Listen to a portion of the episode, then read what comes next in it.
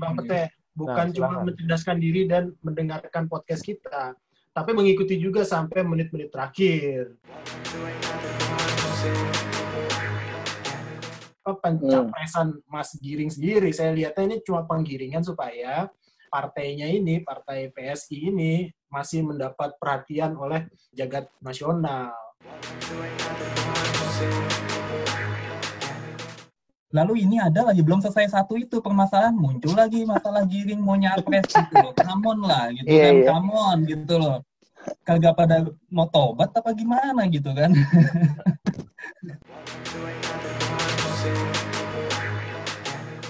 Tambahan lagi, kita juga jangan lupa sebagai orang yang less politik, kita juga harus menyadari bahwa kemungkinan besar memang Giring ini hanya gimmick karena wong partainya aja tidak masuk threshold, bagaimana dia mau mencalonkan presiden?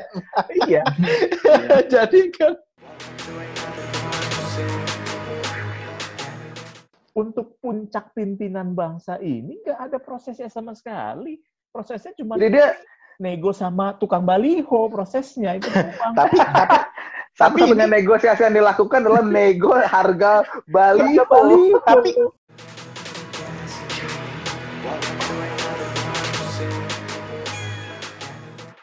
Selamat malam dan selamat datang di Salam Ngontai. Sambil menyelam, ngobrol santai. Malam ini kita akan membahas topik yang lagi viral dalam beberapa hari terakhir.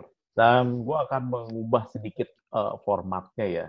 Jadi gue akan men-challenge teman-teman yang ada di malam ini yaitu Daung, Sukabangun, Tanabang, dan Putat untuk menghubungkan dua fenomena yang sedang terjadi, yaitu film Tilik dan pencapresan Giring Niji, eh atau Giring X Niji dari PSI. Siapa yang mau mulai duluan? Bang Pete, ini film yang lagi viral nih ya di jagat per-YouTubean.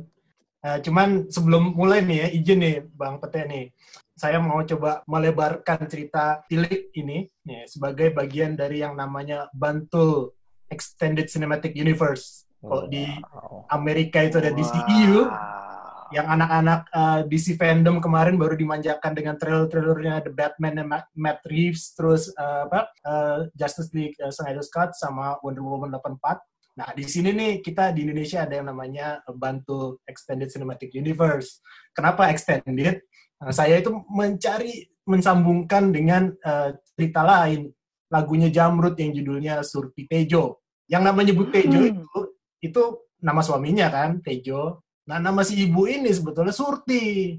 Wow. oh, ini fakta yang ini fakta yang baru Gila. saya tahu nih. Ah. Nah, jadi Gila. di, di, di ceritanya Jamrut Surti Tejo itu kan mereka berantem di pematang sawah kan. Di malam-malam itu dibilang Surti fuck you sama Tejo.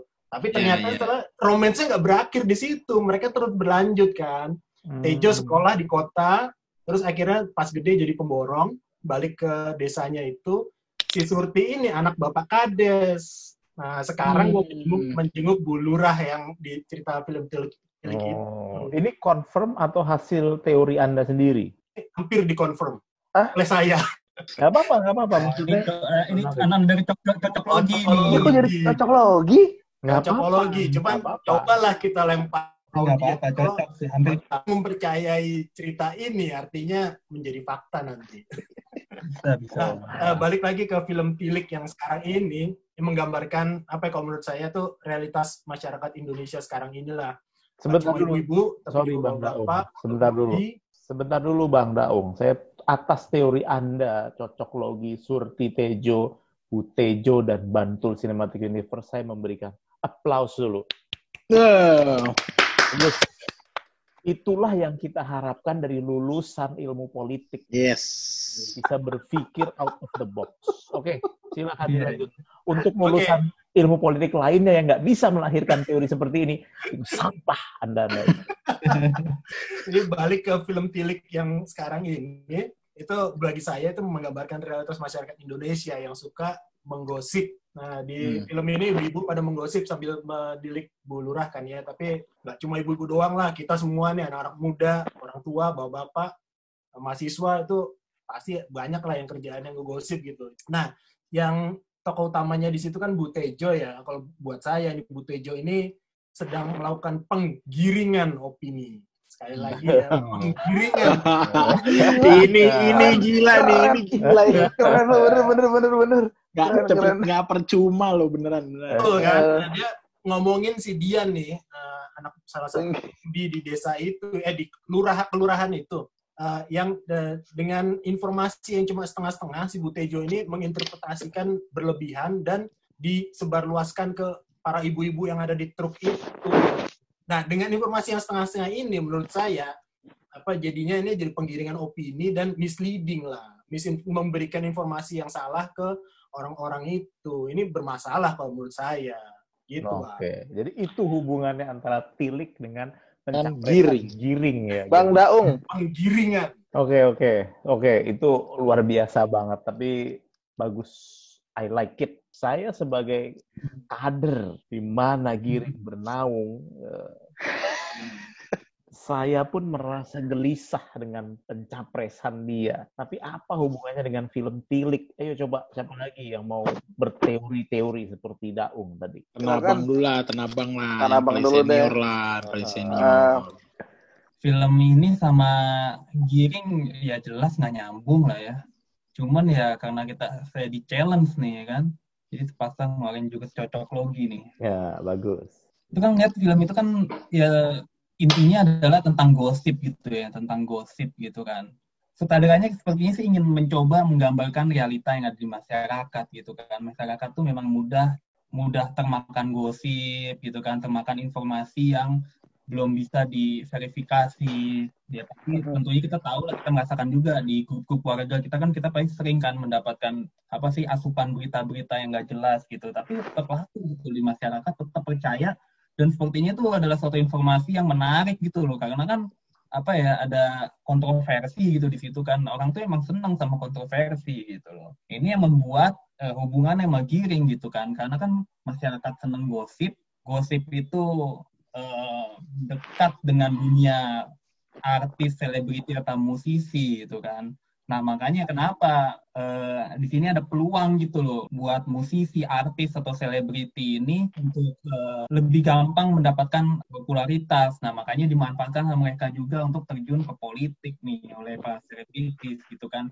Yang ya boleh dibilang kualit yang yang yang mungkin yang yang yang yang berkualitas ada lah pasti ya, tapi eh, banyak juga yang enggak.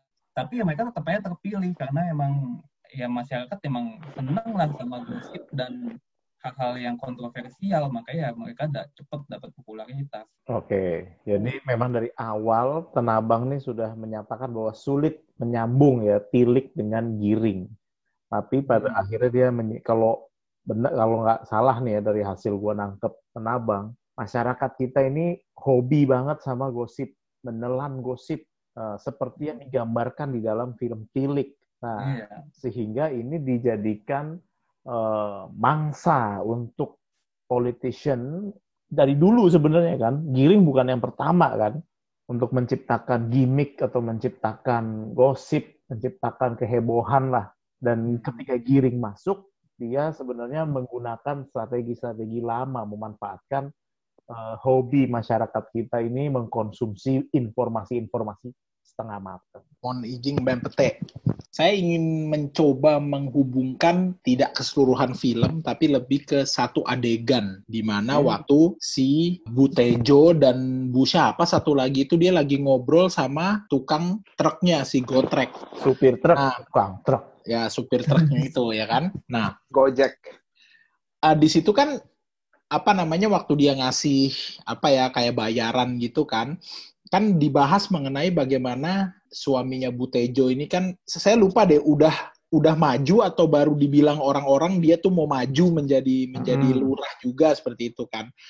Nah, pasti si Bu Tejonya bilang awalnya kan ah oh enggak gitu ah cuma pada akhirnya ketika di ayo dong ayo dong nggak apa-apa gitu kan terus dia baru bilang ya kalau memang semuanya menghendaki ya masa kita mau nolak gitu kan nah jadi mungkin dalam peng- peng- pencapresan Mas Giring ini ada sedikit bau-bau seperti itu gitu di mana lagi-lagi beberapa episode yang lalu kita pernah membahas tentang bagaimana partai politik di Indonesia nih nggak punya pola kaderisasi yang mumpuni gitu loh. Ketika mereka harus melakukan sesuatu yang berhubungan dengan kaderisasi politik, akhirnya ujung-ujungnya ke sesuatu hal yang sangat pragmatis aja gitu. Jadi mungkin juga si Mas Giring ini di dalam organisasinya dia juga di, ayolah, situ kan yang udah punya fan base, bla bla bla bla, sehingga akhirnya ya, oh ya sudahlah gitu. Jadi dia diyakinkan, padahal mungkin menyambung kata Bang Tenabang tadi ya, sebenarnya kalau secara politis track recordnya apa ya? Mungkin kita belum belum pernah dengar gitu kan, belum pernah kedengeran. Padahal selevel presiden kita sekarang aja ketika dia mencalonkan jadi presiden ya gimana pun portfolio politiknya itu sudah lumayan waktu itu gitu ya udah pernah jadi wali kota gubernur seperti itu sih jadi di di awal saya menyorotinya hubungannya adalah seperti itu bang Pete Hmm. Oke, saya tuh menahan-nahan diri ya. Anda bicara-bicara tentang organisasinya Giring. ya ya makanya saya tidak bilang namanya saya hanya bilang organisasinya saja bang Pete Oke, Putat. Kenapa nggak disebut namanya? Nggak apa-apa. PSI itu gue yang sebut. PSI. Terima kasih bang Pete Eh, Partai Sawit Indonesia.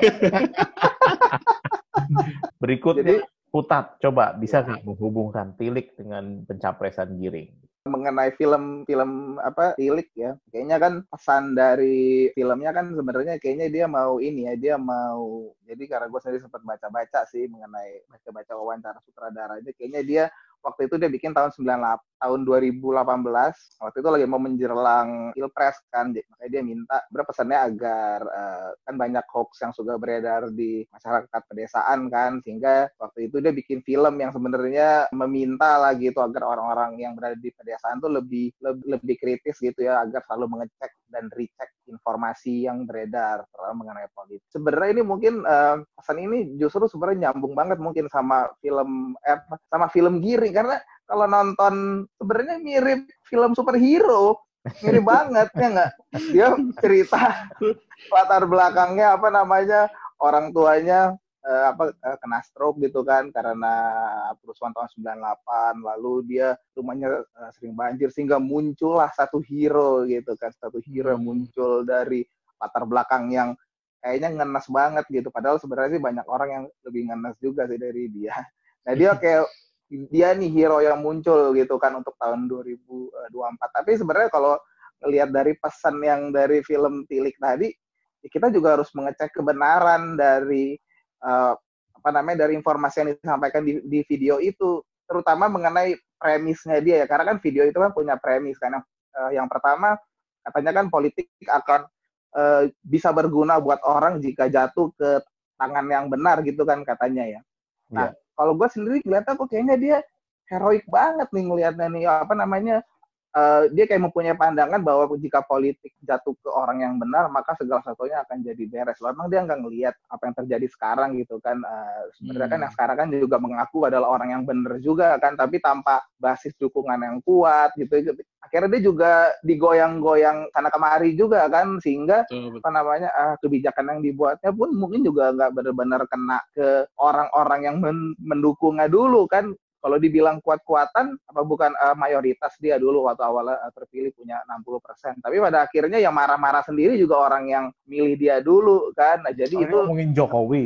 ya kayaknya sih gitu. Jadi ini satu satu satu premis dia yang sebenarnya bisa dipertanyakan. Terus yang premis yang eh, kedua dia kan selalu bilang kan dia kayaknya sebagai wakil dari anak muda bahwa nanti di tahun 2024 sekian persen pemilih itu adalah apa anak-anak muda gitu kan sehingga dia sebagai orang muda dia merasa bisa eh, menyalurkan gitu. Padahal sebenarnya kalau dipertanyakan ini sejak kapan yang namanya eh, demografi itu bisa menjadi satu eh, basis eh, pemilih gitu. Sedangkan anak-anak muda itu kan spektrumnya juga banyak juga Iya. kan kepentingannya macam-macam. Apakah anak muda Jadi, yang main bromtom gitu kan atau yang eh, apa namanya ya kelas menengah gitu misal apakah sama dengan Iya. mungkin eh, mayoritas yang lebih besar yang mungkin eh, agak sulit secara ekonomi. Nah kayak yang, yang, yang kalau yang kayak gini-gini itu kita nggak pernah kita nggak ngecek kebenaran nah kita jadi kebawa gitu sama logika berpikirnya. Dia yang menurut gua sendiri sih sebenarnya agak apa kurang tepat gitu. Jadi sebenarnya video giring ini atau cerita giring ini menjadi calon presiden menurut gue lebih seru dan lebih lebih layak ditonton dibandingkan film film Tilik. itu. Wah, tajam, Kalau tajam. menurut gue. Tajam Bang Putat. Bagus episode ini semuanya mengeluarkan ilmu-ilmu yang dipelajari ekskul dulu di politik. Betul. Gini, Bang Putat, saya mau menambahkan lagi cerita saya tadi. Jadi kan tadi saya ceritanya di Surti Tejo itu Surti anak Bapak Kades kan. Nah sekarang eh, mereka menjenguk Ibu Lurah, berarti ada peningkatan tempat tersebut, desa tersebut dari desa menjadi kelurahan. Yang artinya ada peningkatan kegiatan ekonomi dan ada pertambahan jumlah penduduk sehingga mensyaratkan sebagai sebuah kelurahan. Artinya ini cocok dengan fenomena Indonesia sekarang yang diceritakan bertambah kaya bahwa kita naik kelas ya dari uh, dari sebuah negara yang menengah bawah menjadi negara kelas menengah atas. Nah, cuman di tengah uh, per- pertumbuhan ekonomi tersebut ada yang masih kurang yaitu peningkatan kualitas sumber daya manusia.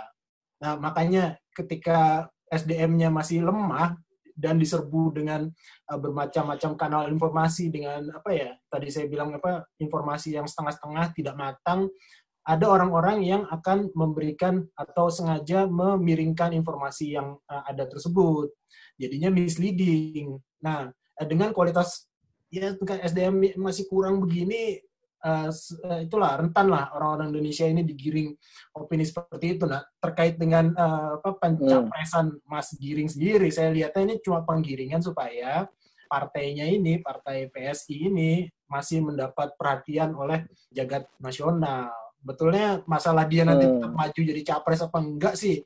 Kayaknya enggak enggak enggak enggak, enggak penting lah buat partainya dan enggak penting juga buat banyak orang. Tapi yang penting Langkah taktikal aja ya berarti ya. angka taktikal untuk apa, me- me- apa ya, mempertahankan eksistensi sebuah partai yang tidak ada perwakilan di parlemen dan terancam menjadi partai buram di pemilu berikutnya. kita ingat juga kan ya beberapa episode lalu kan kita mengkritik kan keinginan anak presiden sama menantu ya mau maju pilkada. Di situ kan kita udah kritik kita udah kritisi bahwa ini belum punya visi misi aja mau maju gitu loh. Belum jelas gitu loh. Dan juga track recordnya nggak ada gitu kan. Lalu ini ada lagi belum selesai satu itu permasalahan muncul lagi masalah giring mau nyapres gitu loh. Come on lah gitu Iya, kan iya. come on gitu loh kagak pada mau tobat apa gimana gitu kan? Kita kan udah eh, sedikit research juga kan bahwa kita lihat kan bahwa kita penasaran juga kan ada nggak sih sebenarnya pemimpin atau kepala negara kepala pemerintahan di dunia ini yang berasal dari kalangan pemusik gitu atau yang paling dekat juga kalangan selebriti. Memang ada beberapa sih cuma kalau yang khusus dari pemusik itu kita cuma nemuin kan dari Haiti gitu. Nah kita nih gimana nih? Kita mau kita mau seperti Haiti gitu. Nah, Iya. tapi Nah, perlu sebentar dulu, sebentar dulu. Perlu gua ingatkan juga ya, bukan kita against a musician atau selebriti maju gitu ya. Bukan berarti bahwa serahkan kepada orang-orang yang berpengalaman. Enggak, karena politisi yang selama ini ada juga semuanya sama buruknya dengan para musisi. Dan yang muda juga sebenarnya di, di negara lain banyak yang bagus, yang muda ya, bukan yang Iya, musisi. setuju. Mhm. Iya, jadi memang tidak mengkotak-kotakkan musisi, artis, atau politisi berpengalaman, tapi memang dari kompetensinya, visi misinya, track recordnya. Dia track record juga nggak harus berarti dia pernah menjabat sesuatu kan, tapi track record dia di dalam menyelesaikan masalah lah. Iya, betul. Ah, tapi gini, kalau misalnya kita lihat sebenarnya apa namanya politik demokrasi ini kan memungkinkan orang dari semua kalangan untuk, untuk berkontestasi menjadi uh, pemimpin politik gitu. Nah, kalau menurut teman-teman sekalian nih, Bang Daung, Bang Tenabang, Bang eh, Putat dan Bang Pete ini sebenarnya apa sih list requirement aja deh. Ini gue pakai bahasa Inggris dikit ya, kan kemarin kita udah simpulkan kita perlu pakai Inggris-Inggrisan dikit lah. Iya. What is the list requirement untuk orang setidaknya bisa untuk Maju. kita lihat ah, ah, maju gitu. Kira-kira List apa? requirement ya, berarti yang Boleh nggak gua? silahkan Bang Putat. Iya, kalau gua melihatnya tadi katanya kan eh, pertanyaannya list requirement buat seorang yang maju ke jabatan eh, presiden ya, atau eh, jabatan publik ya. ya. Nah, yang pasti karena memang dia maju ke satu jabatan yang nanti kaitan dengan proses pembuatan uh, kebijakan gitu kan. Nah, yang pasti dia harus tahu dong kebijakan seperti apa yang mau dibuat. Nah, kalau kebijakan uh, seperti apa yang mau dibuat itu pertanyaan sebelumnya ada masalah apa yang mau diselesaikan. Jadi sebenarnya dia harus lihat dulu nih permasalahannya apa, lalu dia mau buat apa. Jadi hal-hal yang kayak gitu-gitu tuh harus jelas gitu. Karena ini sebenarnya cuma bukan bukan cuma masalah dia kan kayaknya kan jual popularitas ingin menang. Tapi sebenarnya bukan itu yang terlalu ditanya sama orang kan? Sebenarnya dia tuh mau menyelesaikan permasalahan apa dan caranya seperti apa. Nah itu tercermin lah misalnya dalam visi misi. Jadi sebenarnya itu sih kalau menurut gua ya kan list kan? Berarti paling nggak satu syarat yang seseorang harus punya ketika dia mau maju ke jabatan publik. Nah, kalau gue lihat sih, gue sih nggak nggak tahu ya sampai saat ini sih belum lihat ya. Tapi gini loh, bagi gue yang penting ini kan e, nyari figur pemimpin tuh itu seperti apa gitu. Dan itu balikin lagi kita ini bernegara itu buat apa sih gitu? Kita maunya apa sih menuju apa gitu loh. Ya kita kan mau menuju kan masyarakat yang sejahtera gitu ya, yang semua yang merata lah gitu ya ke semua orang. Jadi kita merasa hidup nyaman gitu loh di Indonesia ini. Nah ini kan berdasarkan pengalaman gue ya waktu itu gue pernah pernah kesempatan hidup di New Zealand gue ngerasa hidup di sana tuh kan nyaman banget gitu loh nyaman kita nggak perlu pusing masalah kesehatan gitu kan udah ditanggung semua pendidikan juga bagus gitu kan menurut gue tuh arahnya kita harus ke sana gitu menurut gue New Zealand tuh hampir negara yang sempurna lah gitu itu hampir seperti surga di dunia gitu loh hmm. jadi kita nggak perlu kita nggak perlu mengaim bahwa oh gue mau nyampe surga yang jauh banget tapi kita wujudkan dulu nih surga di dunia nih hmm. tapi surga Wah. di dunia dalam arti adalah kehidupan yang nyaman gitu kan yang sejahtera. Nah kita menuju hmm. ke situ. Nah menurut gua ya, kalau gua melihat ya satu hal yang paling penting untuk mencapai kesejahteraan itu dan ini ditemukan di semua negara-negara sejahtera itu dan semua negara sejahtera itu bebas korupsi gitu. hampir bebas korupsi makanya gue lihat bahwa pemimpin itu pemimpin politik itu gue akan gue akan nggak akan percaya deh kalau dia mau membual apalah atau dia bilang memperjuangkan sesuatu selama dia nggak punya strategi konkret gitu ya untuk membebaskan kita dari korupsi atau menghilangkan korupsi itu. Menurut gue tuh udah bullshit aja semua. Kecuali dia bilang korupsi adalah musuh besar gue ya. Dan gue itu adalah prioritas utama gue untuk menghilangkan ini dari Indonesia. Nah itu baru gue bisa lihat oh ini kayaknya this is something gitu. Gue akan bilang seperti itu. Hmm. Nah, berarti kita bisa tunggu dong si Giring bagaimana kalau kita ngomong tadi soal Mas Giring ini ya, gimana dia punya visi itu gitu ya. Yang which is biasanya orang-orang yang kayak gini nih visinya pasti disembunyikan dulu. Selalu rata-rata nah, begitu. Itu itu sebab gantian ya gue sekarang yang ngomong ya. Anda dari tadi udah ngomong sebagai Gue belum ngomong dari tadi. tongkat kepemimpinan gue sebagai moderator El Primo sudah diambil alih diam-diam dalam kudeta senyap. Tapi gak apa-apa, karena pas banget gue pengen ngomong. Karena gue, kita buka-buka dikit lah identitas kita ya. Gue pernah menjadi bagian erat di dalam partai yang mendukung Giring menjadi presiden. Gue pernah menjadi caleg di partai tersebut untuk PSI di PSI ya di Dapil ya. Jakarta. Nah, ketika gue dulu bergabung dengan PSI, harapannya adalah sebuah partai baru yang memberikan terobosan-terobosan di dunia politik. Ketika hmm. terobosan ya. itu secara tradisional muncul dari kelompok muda, itu masih hmm. diterima lah. Oke, fakta. Sehingga dia me mengumpulkan anak-anak muda. Tapi ketika kemarin dia mendukung politik dinastinya Jokowi melalui Gibran dan Bobi, itu menurut gue udah, oh no, kalian mengkhianati apa yang mau kita dukung ketika dulu bergabung.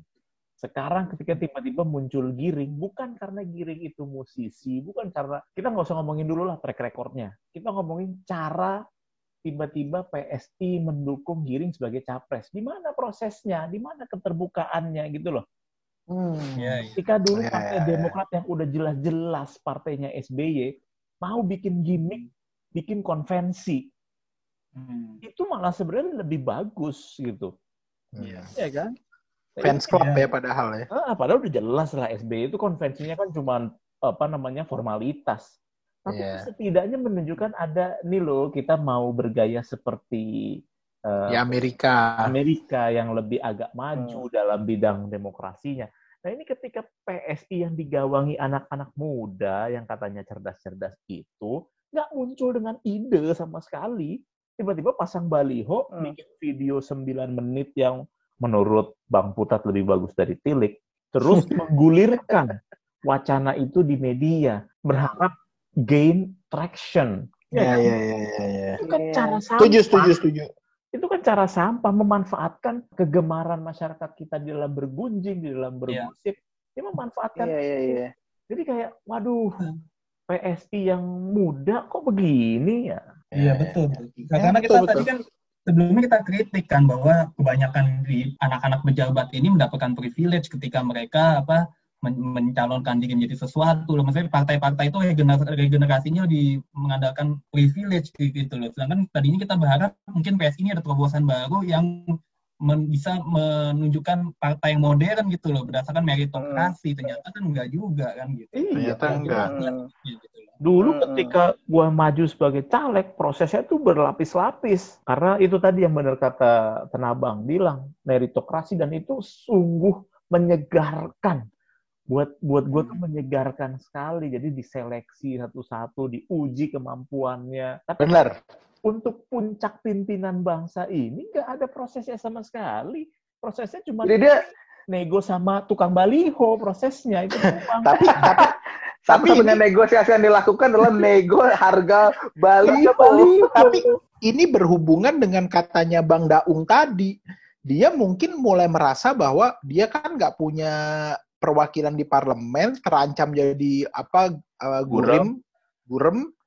Ya itu, ini salah satu salah satu apa namanya effortnya dia untuk terus bertahan di permukaan gitu. Nah, Iya, cuman susah juga eh, suka bangun karena karena gini loh, mereka kan mau mengincar eh, masyarakat yang yang diincar oleh PSI ini karena partainya tadinya bilang pengen modern, anak muda, mereka juga ngincar pemilih yang menurut gua udah well educated lah gitu. Nah, ketika muncul kayak begini justru malah menurut gua kan terproduktif Ditinggal, karena basis betul, masa iya. mereka yang udah basis ma- masa mereka yang well educated ini juga akan mikir lagi kan, oh ini begini banget gitu, malah makin hilang semua udah. Seperti kita. iya.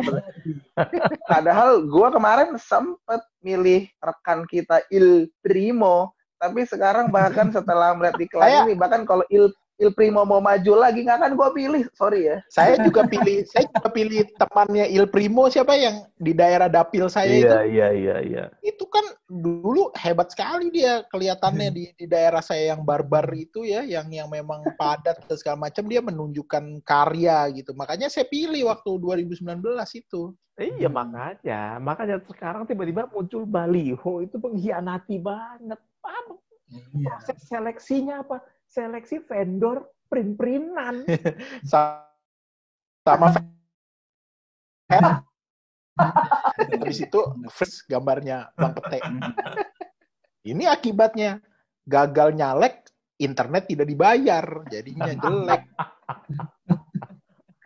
saya tegaskan ya, saya tidak bangkrut.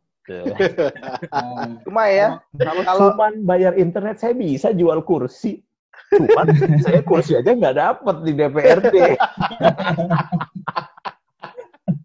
eh kalau Suara dipikir-pikir lu ya, berapa waktu itu Bang Pete? Suara lu berapa waktu itu? Eh, coba berapa? 1280 orang pintar. aduh, kalah jauh Bang Pete sama Giring. Giring katanya dapat 47 ribu suara di masih Jawa lebih Barat. banyak daripada viewernya podcast ini. Iya, benar. Betul, betul, Gimana betul. mau jadi presiden kalau untuk DPR aja dia 47 ribu orang gitu kan? Ah, aduh. Dulu tuh ya ada juga yang be- apa kayak giring gini sih siapa Rizal Iya, Malarangeng iya. bikin bikin iklan, bikin sosok, bikin studi. Cuman ketika dilihat nggak ada respon positif ya akhirnya urung pelan-pelan Di- mundur. Si itu juga dulu siapa tuh namanya? PKB, PKB siapa? Caimin. Caimin Caimin. kan Sadar. juga udah sempet tuh gue pergi ke Jawa waktu itu kan di sepanjang kota-kota Pantura tuh apa namanya baliho Ada udah banyak. dia ya. Ah, ada gambarnya dia. Atau kayak Roma Irama. Partai mesra ya. Tapi kan lagi-lagi ketika Roma Irama, Caimin, Rizal Mara- Malarangeng menguji ombak dengan pasang baliho, pasang pengumuman, karena mereka paham itu bagian dari gimmick sebagai pelaku-pelaku politik lama gitu kan. Tapi kalau Ya. yang namanya PSI kan premis utama yang dia mau jual, produk utama Hmm. yang dia mau jual kan baru, muda, apalah Iya. itu ya gue lupa. Transparan. transparan. Makanya suara gue kecil ya, karena gue aja lupa sama nilai-nilai diri. ya ketika dia melakukan metode yang sama, misalnya nih, suatu- ternyata terbukti Giring cuman ngincer posisi wakil gubernur Jakarta. Itu kan kayak, ya lo apa bedanya bro gitu loh. Lu kalau harus pakai bro lagi ya. harus pakai bro. Iya. Kalau mau bikin gimmick, tuh bikin yang sophisticated sekalian gitu. Jangan cuma sekedar gimmick baliho, bikinlah proses seleksi capres eh, online via Zoom meeting misalnya kayak gitu. Bang Bang Pete, gue jadi punya ide deh. Gimana kalau kita bikin deklarasi lewat online dan nanti promosi juga Bang Pete na- na- nama nama aslinya ya sebagai calon presiden 2024. Gue yakin itu lebih viral dibandingkan si Giring. Nanti kita masukin Iya. link-linknya ke Twitter Twitter ke IG. Gue yakin itu apalagi nanti lu mention Lambetura, gue yakin itu muncul dan sangat laku. Nggak Kalau misalnya episode ini, video ini mendapat berapa ya? Sambutan. 10 ribu views saja, 10 ribu views. Jadi netizen tolong didengar kalau misalnya video ini dapat 10 ribu views, maka gua akan mendeklarasikan diri sebagai capres. Oke, oke, oke, oke, oke. Oke, oke, Bener oke. loh. Kita mention ke Lambe Turah nih nanti nih. Benar, Iya, benar. Montai. Iya, bener loh. Montai. Bahkan Iya, Pak, eh, maksud gua gini loh, jangankan yang giring yang bener-bener maju capres. Dulu kan ada tuh yang dua orang yang bahkan dia nggak tahu apa yang presiden dan capresnya yang dua orang dari mana yang tukang apa tiba-tiba dibikinin Oh, Partainya. dildo, Eh. dildo. yang si dildo itu aja bisa viral. Iya. Kan- Nur Hadi Aldo. Heeh. Iya dildo. Iya bener dulu dildo ya dulu ya. Iya, Bener, iya, Tok. Iya, iya, bener. Bener Bang Pete, gue yakin kita kalau majuin lo Tapi gua aja ngakak gitu loh kalau gua bilang mau nyapres karena karena nggak punya jalurnya, jalurnya itu belum jadi, tidak ada prestasi apa pun di dalam portofolio gua gitu. Sementara Nanti kita buat gimmicknya. Tenang aja. kan di Indonesia- dibikinin. Prestasi nggak penting, yang penting gimmick ya kan? Jadi challenge berikutnya, kalau challenge dari podcast ini adalah menghubungkan film Tilik dan film Giring, challenge berikutnya gimana caranya kita ngegolin Bang Pete, moderator Il Primo menjadi Capres 2024. Eh, gimana? Setuju. Itu juga. Apalagi nanti orang pada tahu nyari tahu kan tentang lu kan. Terus Ya. tahu Iya. ternyata dia adalah cucunya. Eh, Cucunya seorang yang namanya eh, dia jangan dulu, jangan dulu, jangan dulu, jangan dulu. Karena gue mau bikin mau bikin challenge lagi. Taruh Gue mau giveaway. giveaway. Gue mau giveaway nih. Oh, Siapa gitu yang ya. bisa menebak identitas asli gua dan Iya, iya, clue-clue yang kita kasih, gue jadiin cawapres. Eh saya bisa, saya bisa. Pilih saya, pilih. nggak bisa, nggak bisa. Anda, anda ini nggak boleh. Aduh, udah gila, Oke. bener-bener. Kalau gua boleh menyimpulkan atau me- meinventaris jawaban-jawaban kalian, hubungan tilik dengan giring emang nggak ada yang direct ya, nggak bisa dibandingkan seperti film Godfather dengan pencalonan eh, Gibran sebagai wali kota Solo. Tapi ada kesamaan bahwa kondisi sosial yang digambarkan di tilik itu kondisi sosial yang berusaha dimanfaatkan juga oleh giring dengan segala macam gimmicknya dia. Itu yang paling kuat sebenarnya. Benar begitu nggak, guys? Betul, betul. Setuju, setuju. Betul ya? Emang harus ada harus ada giginya, Gibran, Giring, Oh iya benar juga Anda. gimmick gitu loh. Gimmick Gibran Giring. Ya. Oke. Tilik. Satu lagi, kenapa podcast ini awalnya tuh topik ini nggak menarik buat gua awalnya karena merasa kayak ada ini kan stunt ya publicity stunt yang umum terjadi lah di dunia politik kita. Tapi Ya. setelah Hmm. gue pikir-pikir ini momentum yang bagus juga untuk menyadarkan orang eh, untuk para pendengar kita yang tercerahkan sekitar 1100 yang pernah mendengar podcast kita. Iya. Banyak kan kadrun ya tapi.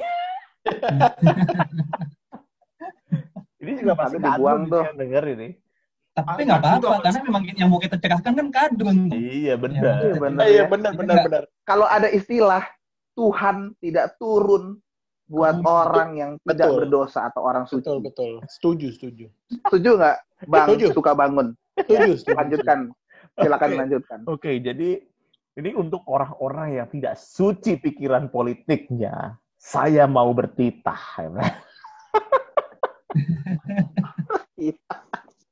anyway, maksud gue gini, maksud gue gini, eh, untuk para pendengar kita gitu ya, kita pengen ngasih tahu bagaimana sih cara menyikapi publicity stunt di dalam politik.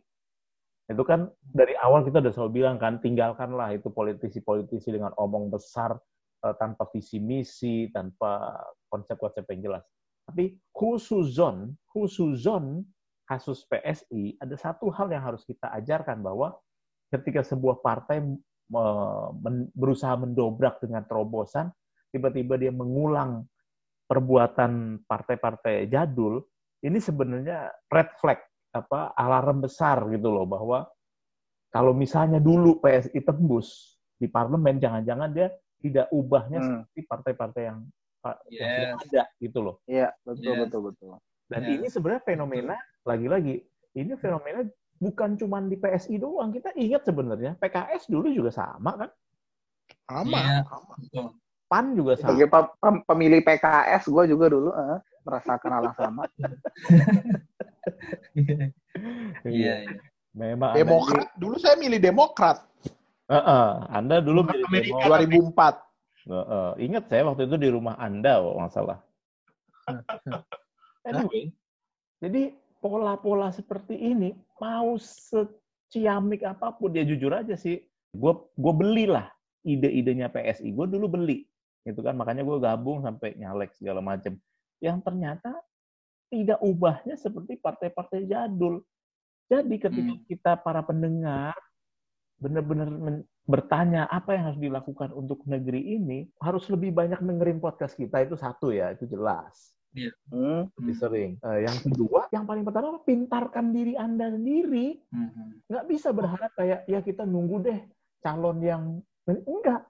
Pintarkan diri Anda, sehingga ketika ada orang-orang yang seperti Giring, seperti Gibran, seperti apa kami, kami itu maksudnya koalisi aksi itu ya,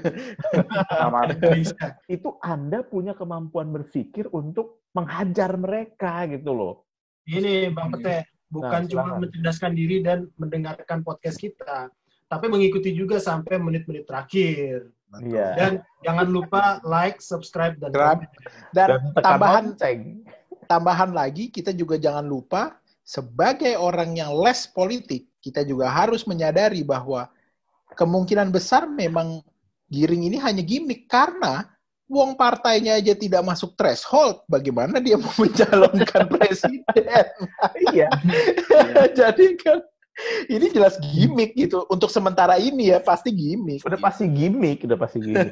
Makanya kita itu himbauan himbauan daung tadi itu lucu. Himbauan daung supaya agar eh, pendengar itu mendengarkan podcast ini sampai menit akhir tapi di menit akhir sekarang ini baru di kasih himbauan Lo pencerahannya ada di menit akhir itu. di awal jadi Tapi- di awal kita bilang kalau anda mau Iya. benar-benar tercerahkan gitu cerdas ya, Iya. ya. ini sampai akhir jangan awal Tapi di, aja dipindahin aja Bang Pete ke depan kan itu yang ada suara Iya di tuh. itunya di teasernya itu benar. bisa, bisa. Lo lama-lama jago lo, ngedit-ngedit Iya. semua. Uh, Bikin apa aja. Oke. Jadi itu tadi unek-uneknya, unek-unek gua sebagai mantan bagian P eh kok mantan kok masih bagian sih? Sebagai bagian dari Kan bentar lagi di- dipecat gara-gara ini. kalau makin kalau dipecat ya makin membuktikan Iya iya. iya. kan bahwa Iya. Ini ini dia kayak cerita filmnya siapa M Night Shyamalan yang filmnya dulu eh, apa Glass terus eh, Split Hmm. ternyata berhubungan dengan film yang kayaknya nggak nyambung dulu Unbreakable. Ini Kita Hmm. nggak tahu ternyata disambung-sambungkan ternyata beneran ini sebuah sequel film. Nah, Iya. Cerita kita nyambung dari Surti Tejo, cerita Bu Tejo Tilik, penggiringan opini ke PSI itu semuanya nyambung termasuk ke saudara sendiri sebagai salah satu kader partai tersebut. Nah, Ya. Oke, kalau gitu kita simpulkan aja deh closing remarks dari masing-masing silahkan. Gini singkatnya itu tadi banyaklah kita menyambungkan dari dari mulai lagunya Jamrut yang lama sampai cerita personal kita di antara salah satu dari kita berlima ini. Uh, tapi apa uh, kesimpulannya adalah uh, supaya terhindar dari apa dari misleading information uh, seperti ibu-ibu ini yang gampang dipengaruhi oleh satu cerita yang sumbernya nggak jelas itu banyaklah banyak banyaklah pemirsa podcast ini untuk mencerdaskan diri dengan cara mendengarkan lah apa orang-orang kita ini mendengarkan podcast podcast kita semua ini dan jangan cuma apa jangan cuma uh, apa semenit dua menit tapi diikutilah sampai akhir dan jangan lupa subscribe, comment, likes dan hit the bell button and uh, so that's it for me. Uh, let's uh, let's move on. Oh, harus pakai bahasa Inggris biar kita. Yeah. Itu juga penting. Harus oh, harus orang yeah. harus tahu bahwa kita bisa bahasa Inggris semuanya. Iya. Lanjut, suka bangun.